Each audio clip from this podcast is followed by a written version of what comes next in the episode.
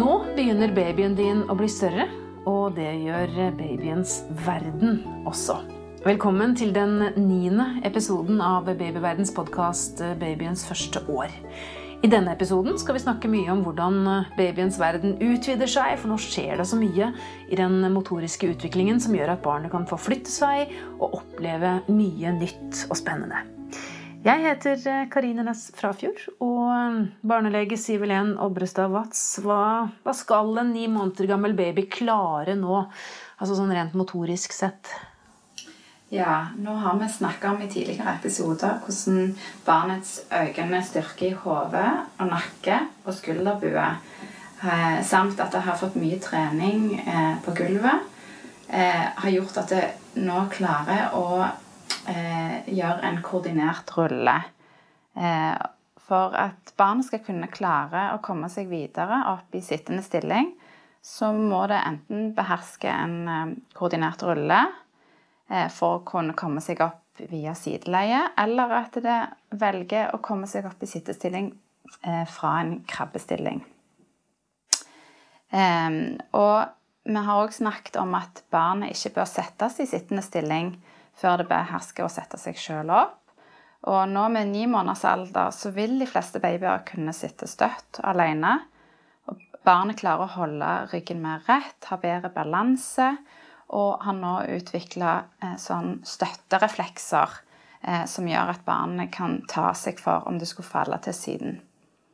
Så barnet er nå inne i en periode hvor det eh, får en kvalitetsutvikling av alle de motoriske ferdighetene som barnet har lært. Om det er rulling, eh, åling eller kryping, krabbing eller det å komme seg eh, selvstendig opp i sittende stilling. Nå får de endelig uttelling for alt de har øvd på?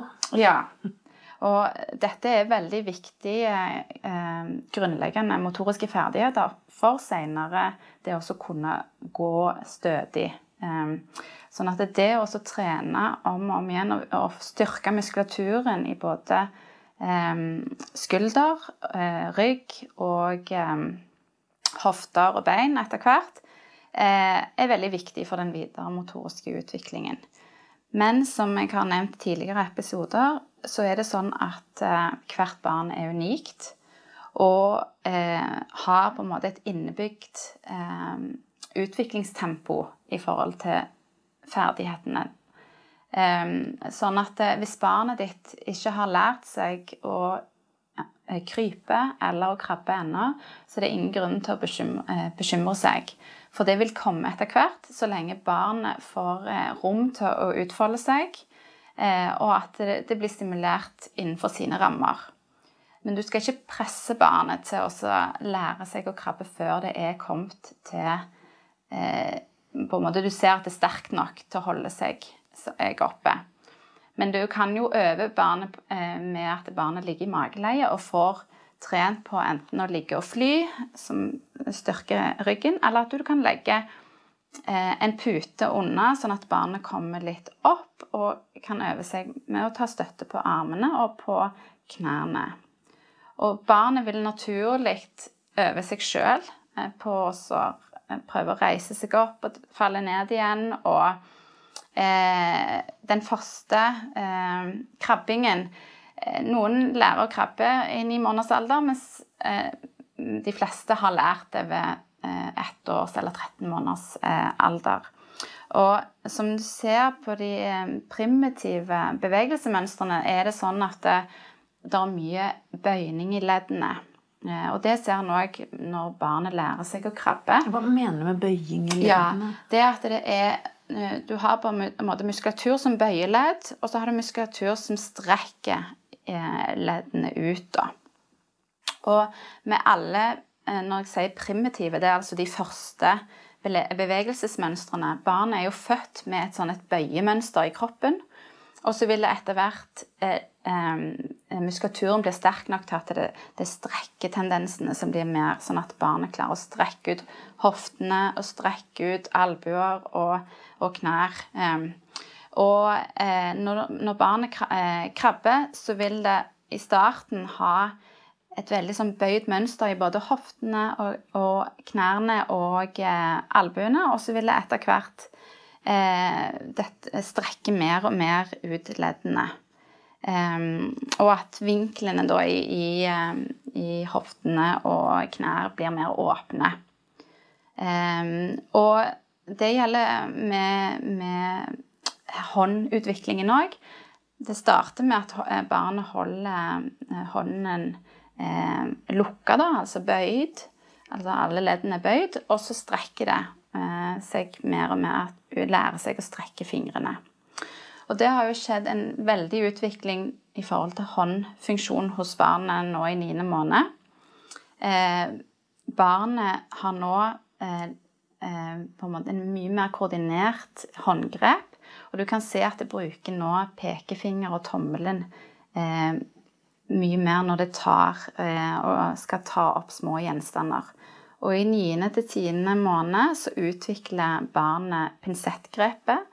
Og det gjør at barnets eh, på en måte verden for å utforske ting utvider seg veldig. For nå kan de plukke opp bitte små ting og eh, studere disse.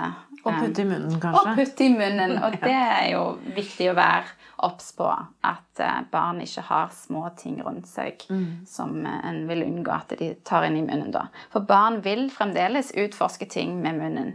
Um, mye med, med, hendene og fingrene, men òg er fremdeles i en sånn oralfase hvor de utforsker. Det kan jo være fint i spisesituasjoner. At de kan bruke pinsettgrepet og spise Absolutt. selv. Og nå er barnet eh, i en utviklingsperiode der det nok er veldig nysgjerrig og ønsker å være deltakende i måltid.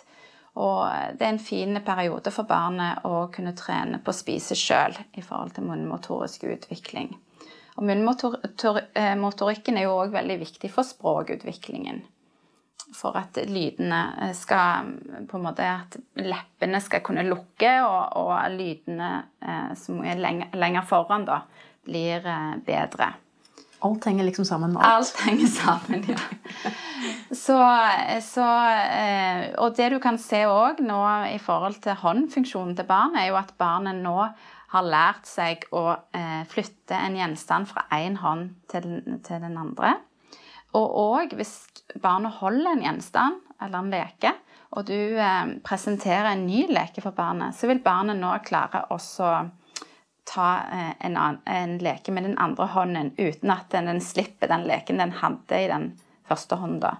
Noe det eh, tidligere ville, det ville ha skjedd. Eh, men nå har altså barna lært seg å strekke og bøye i hendene samtidig.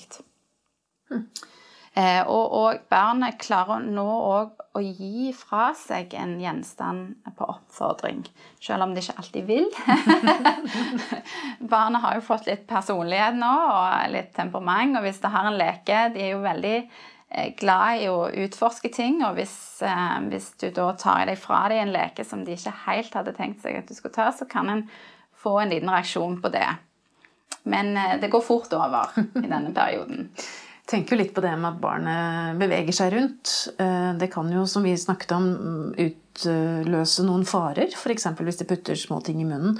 Men, men, man bør kanskje nå begynne å tenke litt på barnesikring av hjemmet sitt? Absolutt. Eh, og nå er barnet i en periode det er så nysgjerrig og vil utforske og eh, klare å komme seg mye raskere rundt enn det vi tenker det, det, vil. Så det å ha et øye med barnet til enhver tid er veldig viktig. Men òg å barnesikre huset sitt, sånn at en er sikker på at eh, uhellet ikke er ute. Hva er det viktigste? Ja, jeg tenker Det viktigste er jo også å se litt huset ut fra et perspektiv til barnet. da. Prøve å forestille seg hva er det barnet kan gjøre kan eh, få tak i, og, og, hva er det barnet vil potensielt prøve å klatre opp på eller reise seg opp på. Eh, sånn at eh, jeg tenker det viktigste er i forhold til i forhold til hvis du har eh, varmeovner som henger lavt, så passe på at de ikke er for varme, da, at de kan berøres uten at en en blir brent. Men eh, eh, babyer har Huden er veldig eh, ømfintlig og kan skades bare med 40 grader. sånn at det, det, er viktig å passe på at det er lave temperaturer på varmeovnene. Det samme med hvis du har åpne ildsteder må du ha en sånn grind rundt, da. Um, og med trapper så må du passe på at det der er enten at du kan stenge for foran en trapp, eller at du har en trappegrind. Uh, hvis du ikke har eh, Eller hvis du har en sprinkelseng til barnet og ikke har eh, senka madrassen ennå, så kan det være lurt å senke den nå, sånn at det, eh, når barnet begynner å reise seg, at du er sikker på at det ikke faller ut av sengen da. Eh, I, I, tillegg så er det viktig å passe på at det ikke er ledninger som ligger løst rundt, og stikkontakter bør sikres med sånn barnesikring. Og da tenkte jeg på vinduer òg. Det kan være greit å ja, ha lås på vinduer, kanskje? Skikkelig Ja, et godt poeng. Og, eh, og med inne på kjøkkenet, hvis du ser for deg kjøkkenet, da er jo eh, skuffer som inneholder skarpe gjenstander eller ting du tenker barnet ikke bør komme over, bør sikres. Eh, men så er det jo lurt inne på kjøkkenet å ha én skuff som er til barnet, da. sånn at Jeg fikk et sånt bilde i hodet av min datter med en sånn kakaopakke over hodet. Altså, det er ikke farlig, men det er ganske irriterende for de voksne. Ja, ja, ja. Det er mye som kan dras ut. Så, så man bør tenke litt på det og hva ja. man får tak i. Selv om det ikke nødvendigvis kanskje er farlig, kan det være litt gøy òg, kanskje. Ja. Men det å lage en, den nederste skuffen da, på kjøkkenet med sånne eh, gjen, eller gjenstander eller redskaper som ikke er skarpe eller som er barnevennlige, plastkopper og litt plast eh, eh, kjøkkenredskaper, er jo veldig kjekt for barnet. For barnet er jo inne i en periode nå der det vil utforske og elske å ta ut ting av eh, bokser eller skuffer. Når de begynner å klatre opp i skuffer, så tenker jeg at eh, kanskje spesielt i stuen eller andre rom, at eh, kommoder og hyller kan velte over barnet. Så man bør sette fast i veggen. Eller? Absolutt, ja. Det var et godt poeng at eh, store bokhyller eller ja, andre hyller at en passer på at de står støtt, eller skrur de fast i veggen. ja. Um, og så er det òg det å tenke på med Hvis du har et bord med en duk på, for nå eh, har eh, barna har begynt å forstå, eh, lære om handling og konsekvens, og de kan kanskje tenke at de vil ha tak i noe oppe på bordet. Så har de forstått at hvis de drar i duken, så vil dette, denne tingen komme ned. Da. Så hvis du har noe ting som kan knuses, eller du har noe varmt som står oppe på bordet, så tror jeg jeg ville tatt vekk duken. Eh, det samme er jo hvis du eh, har barna oppå fanget ditt mens du drikker kaffe eller te, og passer på at du ikke har varme ting da, som kan eh, potensielt falle eller liksom søles ut over, over, barnet. Og hvis du skal være så uheldig å få en brannskade hos en baby, så er det første du må gjøre, er å kjøle det ned med vann. Kaldt eller lunka vann? Eh, ja, en sier ca. 20 grader. Sånn halvlunka, da. Ikke iskaldt? Eh, ikke iskaldt, for skal, barnet skal holde ut i 20 minutter. Eh, hvis du klarer å holde omtrentlig 20 minutter i 20 grader, så, så hjelper det veldig i forhold til eh, videre eh, hvordan det går med den brannskaden. Kanskje mens man ringer til hjelp også? Ja, ja. så den ene kan eh, Hvis det er såpass store brannskader at du må ta barnet i dusjen, så kan den ene ta barnet i dusjen mens den andre ringer. da. Hvis man er to. Eller sette barnet opp i badekaret med, med halvlunka vann. Mm. Hvis en er én, eh, og så ringer. Mm. Så, og så er det dette her med, med hva barnet leker med, da. Vi nevnte jo dette med at en må unngå for små, små ting, små mm. kuler eller ting som potensielt eh, gir kvelningsrisiko. Eh, men så er det òg plastposer må en unngå. Barnet kan prøve å ta Dette var en lang liste med skumle ting. Ja. Altså. ja. Men det er mange ting som en, en, kan fort glemme ut at barn ja, Jeg får tenke på blomsterpotter og jord, f.eks. Ja, altså, og ikke minst giftige planter. Ja, og da er det, det noe som heter ja, Giftinformasjonssentralen ja. går det jo om å ringe til. Hvis ja, det. Og, det, og dette med å ha Zalo-flasker og sånn høyt oppe, og ikke mm. nede i et kjøkkenskap. Mm. Mm. Absolutt. Og hvis uhellet har vært ute, så er det jo det å ringe til Giftinformasjonssentralen, eh, da. Mm. Eh, så det kan være lurt egentlig å ha sånne nummer liggende. For du blir jo fort stressa i en sånn situasjon. Få det inn på telefonen, kanskje? Ja. Mm. Kjempelurt.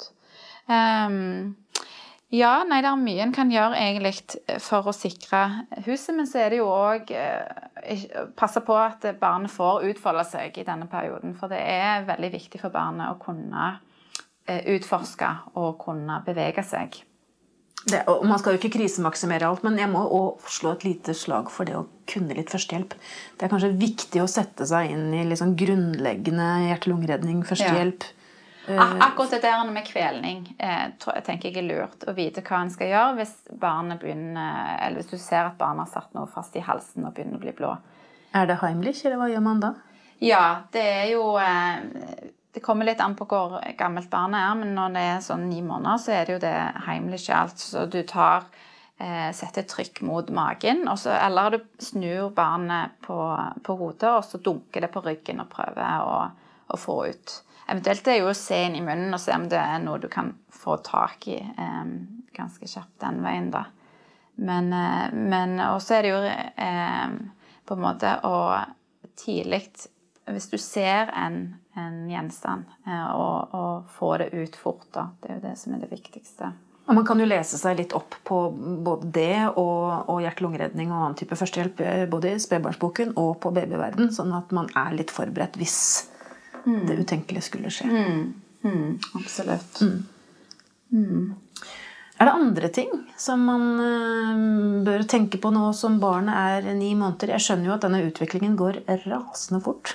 Ja, Barnet er jo nå i en eh, periode med veldig intensiv utvikling. Eh, både motorisk, eh, men òg i forhold til det kognitive og språk. Eh, og barnet har eh, eh, et mye større passivt ordforråd enn det det har. Det har jo ikke begynt å si ord ennå. Hva betyr passivt ordforråd? Ja, Passivt ordforråd betyr altså det barnet kan forstå av ord. Barnet har jo begynt å skille ut ord fra lydstrømmene som det hører. Eh, altså disse setningene som vi sier, så klarer det å skille ut enkelte ord som gjentar seg veldig ofte. Og barnet vil etter hvert eh, få, eh, få eh, en mer forståelse av betydninga av ordet eh, ut ifra situasjon og setting, og eh, ut ifra hvor mye ordet blir gjentatt i dagliglivet. da. Så hvis du sier katt, så forstår det katt uten å kunne si det? Det spørs jo hvor mye, hvor mye du har snakket om en katt. om du har en katt, og du har liksom pekt på katten. Og, og, eh, det kan godt være at barnet da forstår ordet katt. Barnet kan òg eh, Mamma og pappa blir jo ofte gjentatt. Eh, og hvis du sier til et barn 'Hvor er pappa?', så kan det godt være at barnet nå forstår, begynner å forstå hva du prøver å spørre barnet om. Um, og barn er inne i en periode nå hvor det im eh, imiterer mye. Uh, imiterer um, gester, uh, f.eks. Uh, vinkegesten. At hvis du lærer barnet opp til at 'nå skal vi gå og si ha det', da vinker vi, så kan barnet lære seg det. Uh, det kan utvikle denne pekegesten. altså at det peker på ting de er interessert i. Og hvis du eh, vise barnet hvordan du bruker pekegesten med å, å, å, peke eller å vise felles interesse for noe, så er det en viktig del i eh, kommunikasjonsutviklingen til barnet. Samme som det vi, vi, har snakket om tidligere, med dialog og turtaking, som også er en viktig, eh, viktig del av, av, språkutviklingen. Så nå begynner eh, barnet å på en måte Lydene i barnets språk begynner nå å få mer sånn rytme som ligner en samtale. Så det kan Det babler nå, så eh, kan liksom gjenta liksom ma, ma, ma, ba, ba, ba, pa, ba, ba. Så det, det prøver liksom å imitere dine stemmer, og prøver å, å lage en slags eh, eh, Ja, et slags språk, da. Eh, og det som kan være eh, veldig artig å gjøre med barnet i denne perioden, det er å prøve å eh, fremme barnets språk med å f.eks. late som dere snakker i en telefon. Og så Hvis du holder på en måte noe inntil ditt øre og så snakker, og så holder du inntil barnet sitt øre, så svarer du for barnet.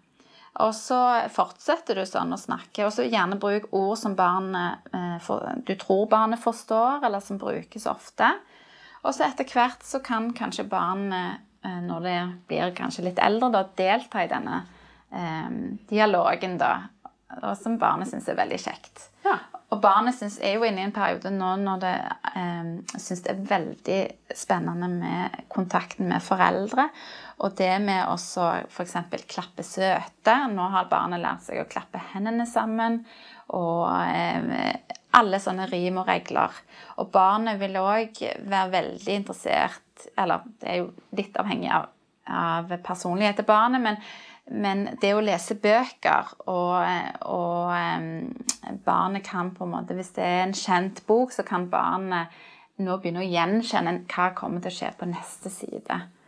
Så, så det å bruke um, tid sammen med barnet i lek og i lesing og i um, ja, sang og uh, regler, det er veldig viktig for videre språkutvikling.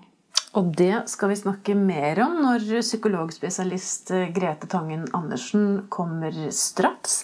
Men takk til deg så langt, barnelege Sivelen Obrestad Watz ved Stavanger universitetssykehus.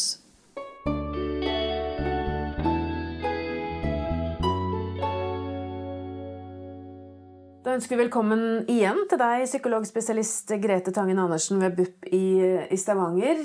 Um, vi snakker jo om dette her med at babyens verden utvider seg. Hvor mye forstår barnet? Vi har jo snakket om at barnet har jo mm. ingen erfaringer. Ja, og når, ja. ni måneder gammelt så begynner du å få en del erfaringer. Og erfaringene bygger veldig mye på at barnet utforsker verden rundt seg, den nære verden rundt seg. Og da i nær kontakt med at noen andre er til stede og engasjerer seg i det. Men det er klart at de er opptatt av masse ting, og en forventer at de har en interesse som rettet ut. At det er farger og lyder og alt dette vekker interesse og er veldig, veldig spennende, da. Og det er jo den spenningen foreldre skal liksom være med i og, og, og liksom underbygge at det er spennende og kjekt. Vi snakket jo mye om ord eh, i, i forrige episode. Um, og så er det noe som heter passivt ordforråd. Mm. Hva ligger i det? Det er jo det at barnet har lært og kan mange ord før det er motorisk i stand til helt å si de. For det er liksom et sprik der mellom det du forstår, og det passive ordforrådet som vi da kaller, og det som du kan bruke. Og de ordene du kan si. Og, sånn det, og, det, er det jo mange foreldre. De registrerer det, og de sier det. ja, hvis de, 'Kom her, og nå skal jeg hente det.' Og så ser de at barnet får en forventning. 'Nå skal du få noe å spise.' Så det er helt tydelig at de forstår veldig mye av det som sies. Og så er det typiske ting du sier til dem i løpet av en dag. Så, ikke, så er det i hvert fall veldig ganske mye mer enn det de aktivt klarer å si. Mm, så det, det, de kobler det med å spise med å Ja, når de sier det. Når man sier det. Ja. Og så sier en det ofte når barnet er sultent, og så får det en mening og sammenheng. Og så vil barnet begynne etter hvert å kunne kjenne på en fornemmelse av sult og kunne si at de vil ha noe å spise. For i begynnelsen så har de ikke den koblingen mellom de indre tilstandene og ordet. Det er sånn som etableres med at foreldre gjenkjenner det. Mm. Og tenker at nå er det nok det de kjenner på. Mm. Men barnets verden har jo hittil vært eh, ganske liten, kan vi jo si. Mm. Har jo på en måte konsentrert seg, for Vi har snakket mye om de nære omsorgspersonene, mm. viktighetene av liksom, å skape trygghet. Men men øh, hva er det barnet trenger nå? Vi, vet, vi skal fortsatt ha en trygg base, selvfølgelig. Ja. Men hvis verden på en måte begynner å, å utvide seg litt, hva, hva trenger barnet da? Ja, jeg tenker treng, Barnet trenger i veldig stor grad en trygg base for å kunne utforske og gå ut. Og det en tenker sånn optimalt, er jo at barnet regulerer nærhet og avstand til de nærmeste sjøl. Og, og de, det vi kaller for å referere tilbake sosialt, det er jo det at de kikker tilbake på den foreldrene for For som er der, og at de er opptatt av at, eh, at, de følger med, at de ser. Og hvis ikke de ser, så kan det veldig fort være at de begynner å gråte og kjenne seg litt overlatt til seg sjøl. Og det er ikke en kapasitet de har i denne alderen. De er avhengig av at en følger oppmerksomhetsmessig. Så selv om de på en måte krabber litt rundt og er på vei, ja. så, så, ser de seg tilbake for å forsikre seg om at ja. det er noen der? Ja, og at de er avhengig av at en følger oppmerksomhetsmessig. Og en sier det Så i forhold til gode omsorgspersoner så klarer de klarer f.eks. en mor holde to fokus. Hun kan f.eks. lage i stand noe mat og samtidig vite godt hva babyen holder på med. Eller den ni måneder gamle babyen holder på med. Må selvfølgelig både passe på hva vedkommende gjør, men òg vite sånn at barnet liksom ikke plutselig helt alene. Ingen har visst hva, ja, hva har skjedd nå. Men at de klarer å holde dette doble fokuset, det er veldig viktig. Og at en kanskje snakker til babyen mens en gjør den andre tingen. Og så ser en kanskje i ni-ti måneders alder at barnet kanskje også begynner å imitere aktivitet. Hvis en skal gjøre litt rent, at barnet begynner å gjøre liksom de samme bevegelsene. og, og børste håret, så at de, de, prøver å børste håret sitt, så du ser at de er virkelig interessert i alt det vanlige som skjer. For Han tenker ofte at det skal skje store, viktige ting, men det er jo alle disse daglige hendelsene som er så viktige for babyen. Og at de blir tatt med. Blir de mer selvstendige på den måten? For man vil jo også utvikle en slags selvstendighet hos barnet sitt. At de begynner å kunne ja. gjøre ting selv også. Ja, og det tenker jeg jo er at det lærer jo barnet gradvis. Og noen kan ha en tendens til å ikke ha forventningene til en baby eller til en ni måneder gammel baby, og dermed gjøre alt for dem. Så jeg mener det er der det kan komme en slags urytme. Eh, for hvis en forventer for mye, så, så, vil jo det bli et press på et barn som ikke helt vet hva det er, egentlig er det de skal gjøre. Så du kan gripe inn veldig tidlig. Og, og egentlig så ofte ser jo dette seg litt etter hvert. Men at noen har kanskje litt tendenser. Noen har veldig tendens til å gripe inn og hjelpe til. Andre er litt opptatt av ja, nå skal vi se hva de klarer. For Når du sier det på den måten, så tenker jeg som jeg tenker mange ganger når vi snakker sammen, dette er jo en vitenskap. Og når man er helt, ja. ny, når man er helt ny forelder, så, så, kjenner man jo på dette enorme ansvaret om å gjøre alt riktig. Ja. Hvordan vet man da hva som er for lite eller for mye, eller hva som akkurat passer? For det, mm. det er jo dette ansvaret for dette mennesket. Ja, og jeg tenker at mye av det en vet i dag, er fordi en har observert vanlige, gode foreldre. Sånn at en har egentlig bare begynt å fortelle hva en ser, og hva de gjør, og hvor, at dette er godt. Og så tror ikke du, altså Vi har alle våre ting med oss og våre, våre tendenser. og jeg tror, Det er ikke det at det gjør så veldig mye. Jeg tror du skal gjøre veldig mye av det å overta ansvaret for barn for at det skal begynne å bli et uh, problem. Så det, Jeg tror ikke en skal være så redd for det. Jeg tror ikke det er noe så akkurat riktig. Men en kan jo gjenkjenne, og hvis en er to, så kan en av og til få en korreksjon. Nei, nå, dette klarer jo denne lille sjøl, da. Og det er jo en alder hvor de kanskje har lyst til å spise sjøl, og de har lyst til å gjøre ting sjøl, og er litt opptatt av det. Skal vi la de få lov? Jeg syns i den grad det ikke er noe fare involvert i det, så syns jeg de skal få prøve. Kaste grøt veggimellom og bare ja, ja, ja. kose seg?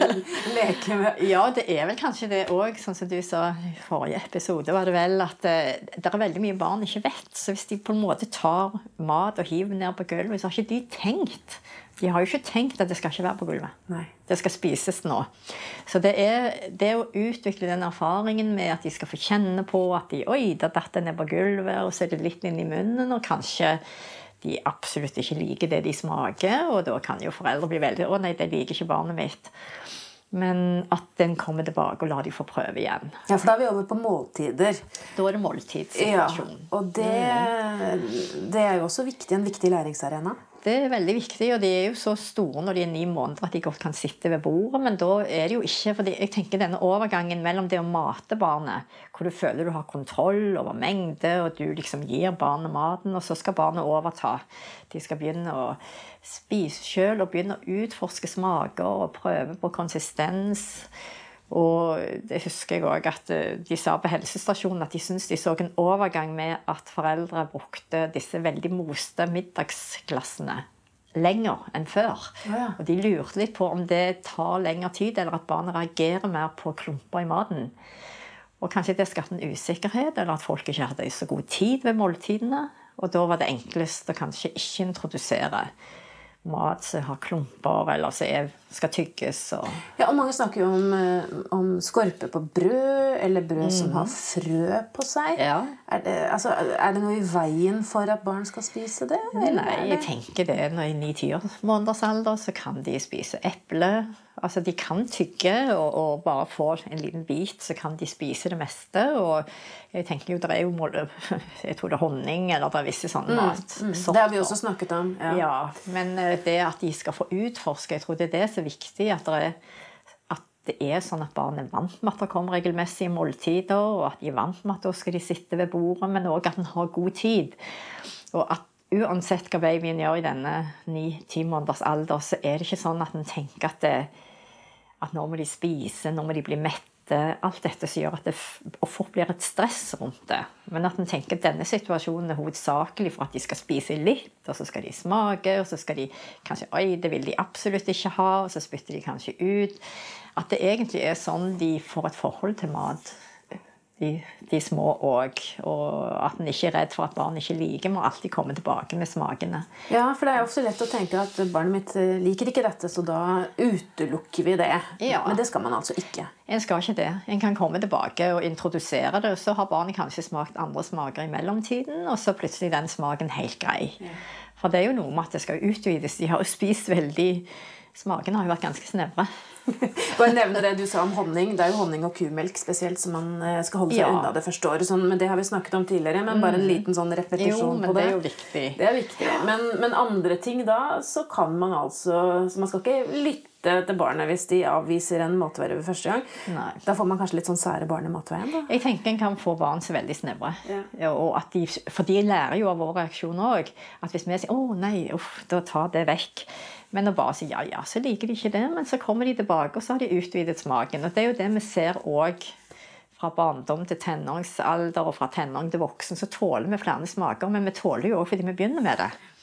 Og venner oss til smaker. Så i prinsippet eh, tenker jeg, kan man egentlig lære seg å like alt, eller? Ja, det meste i hvert fall. det er liksom Mange som tenker de, de smakene vil de aldri prøve seg på. Men eh, jeg tror at en venner seg fort til smaker. Og hvis en har en motivasjon for å lære seg å like visse smaker, så gjør en jo det. Og så tenker jeg Vi foreldre har jo kanskje et ansvar også for å ikke overføre våre egne preferanser på barna. Mm, ja. Det er sånn, Jeg liker ikke fisk av en eller annen grunn. Altså, jeg, jeg gjør det. Men, men, hvis man sier at det er no, en matvare man ikke liker, eh, så betyr jo ikke det at barnet trenger å arve det. Nei, absolutt ikke. Og barn kan like sitt eget. Og jeg tror det veldig viktige i det er at de får utforske det, at de får prøve det, at de får prøve det igjen. Og at en ikke lager sånne veldig hva skal jeg si, forutinntatte meninger om dette er ikke bra, dette er ikke godt, og dette serverer vi ikke. Jeg tror barn. Og så tror jeg òg det er veldig viktig at uh, foreldre òg inkluderer barn i det som er godt å spise. De kan spise litt vafler, litt gode ting. Ikke vi skal ikke så strenge, vi skal ikke være så strenge ja. på det usunne. og det er liksom det å være på besøk hos noen, og så har de kanskje om det er vafler eller boller eller hva, så la barna få spise det som serveres òg, sånn at de lærer oss at det er godt. Kjekt å spise og godt å spise. Ja, for, det, for, det, er også en sånn ting at vi gjerne vil øh, være veldig sunne, ja. flinke, øh, økologiske. Gi barna våre kun det beste. Mm. Og sukker er ofte fy-fy ja. første året. Det er akkurat det. Ja.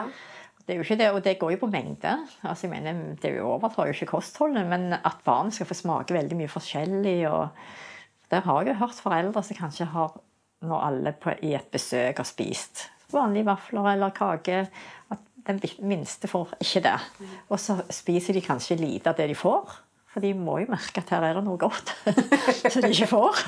Så da er det jo bare nei, men la de prøve. De skal bli en del av det der fellesskapet rundt måltider og fellesskap rundt det å gå på besøk og spise gode ting og ha hverdagen hvor det er litt annet kosthold. og Det er egentlig bare å inkludere det i det vanlige livet.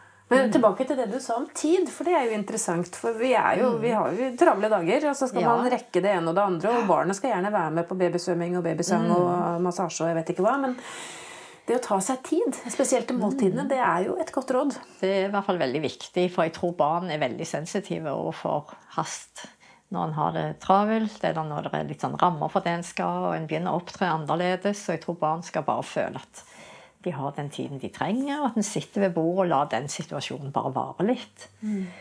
Så blir de litt eldre, så springer de kanskje ifra bordet, men det er liksom en annen problemstilling. Her skal de bare venne seg til at det er et interessant sted, et koselig sted. At det er gode.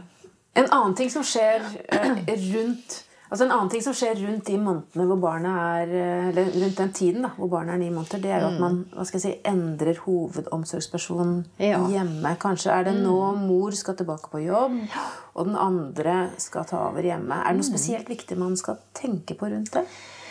Eh, det er jo klart at det, Hvis en ammer, så er det klart plutselig blir jo situasjonen annerledes for babyen.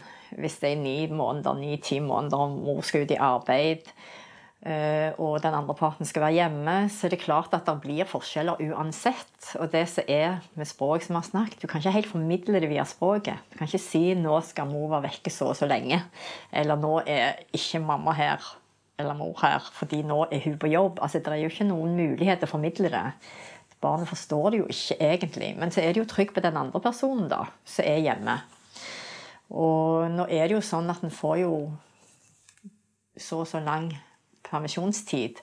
Og så ser jeg at du, du, må jo bruke det innen barnet er to år, men jeg tror nok tanken har vært mye at når barnet er så lite, så trenger det den permisjonstiden i når de er minst.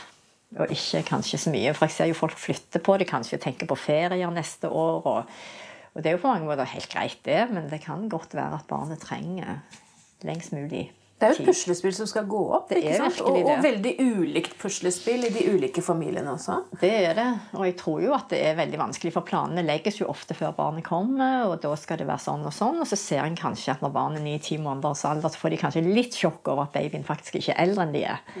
Og at det er ikke så lett å formidle hva som skjer. Men jeg tenker er det en annen trygg og god voksen hos de, så vil jo det Det vil være trygt og godt og forutsigbart for babyen uansett. Men det er klart at en må jo se Og kanskje de blir mer klengete på mammaen. Og kanskje mammaen må ikke begynne å amme litt på kveld, og noen velger å amme litt mer på natt. Så de sover litt mindre, men de gjør det fordi at de opplever at de må gi barnet sitt mer påfyll. Mm. Så der er det mange valg en må ta, da. Hvordan en vil gjøre det. Om en skal ha, begynne avvenningen i forkant, eller om en skal amme og se hvordan en vil gjøre det. En trenger uansett søvn. Vi skal snakke mer om det i episoden som kommer når det nærmer seg barnehagestart for mm. mange barn. Men eh, takk skal du ha, psykologspesialist eh, Grete Tangen Andersen. Du har hørt Babyens første år, en podkast fra babyverden. Lurer du på mer om hva som skjer med babyen din, eller har spørsmål rundt foreldrerollen, så anbefaler jeg deg å laste ned Babyverden-appen, eller gå inn på nettsiden vår babyverden.no, hvor du finner tusenvis av kvalitetssikrede artikler om nettopp babyer. Jeg heter Karine Næss Frafjord. Takk for at du hørte på, og jeg håper du vil følge oss videre i babyens utvikling måned for måned.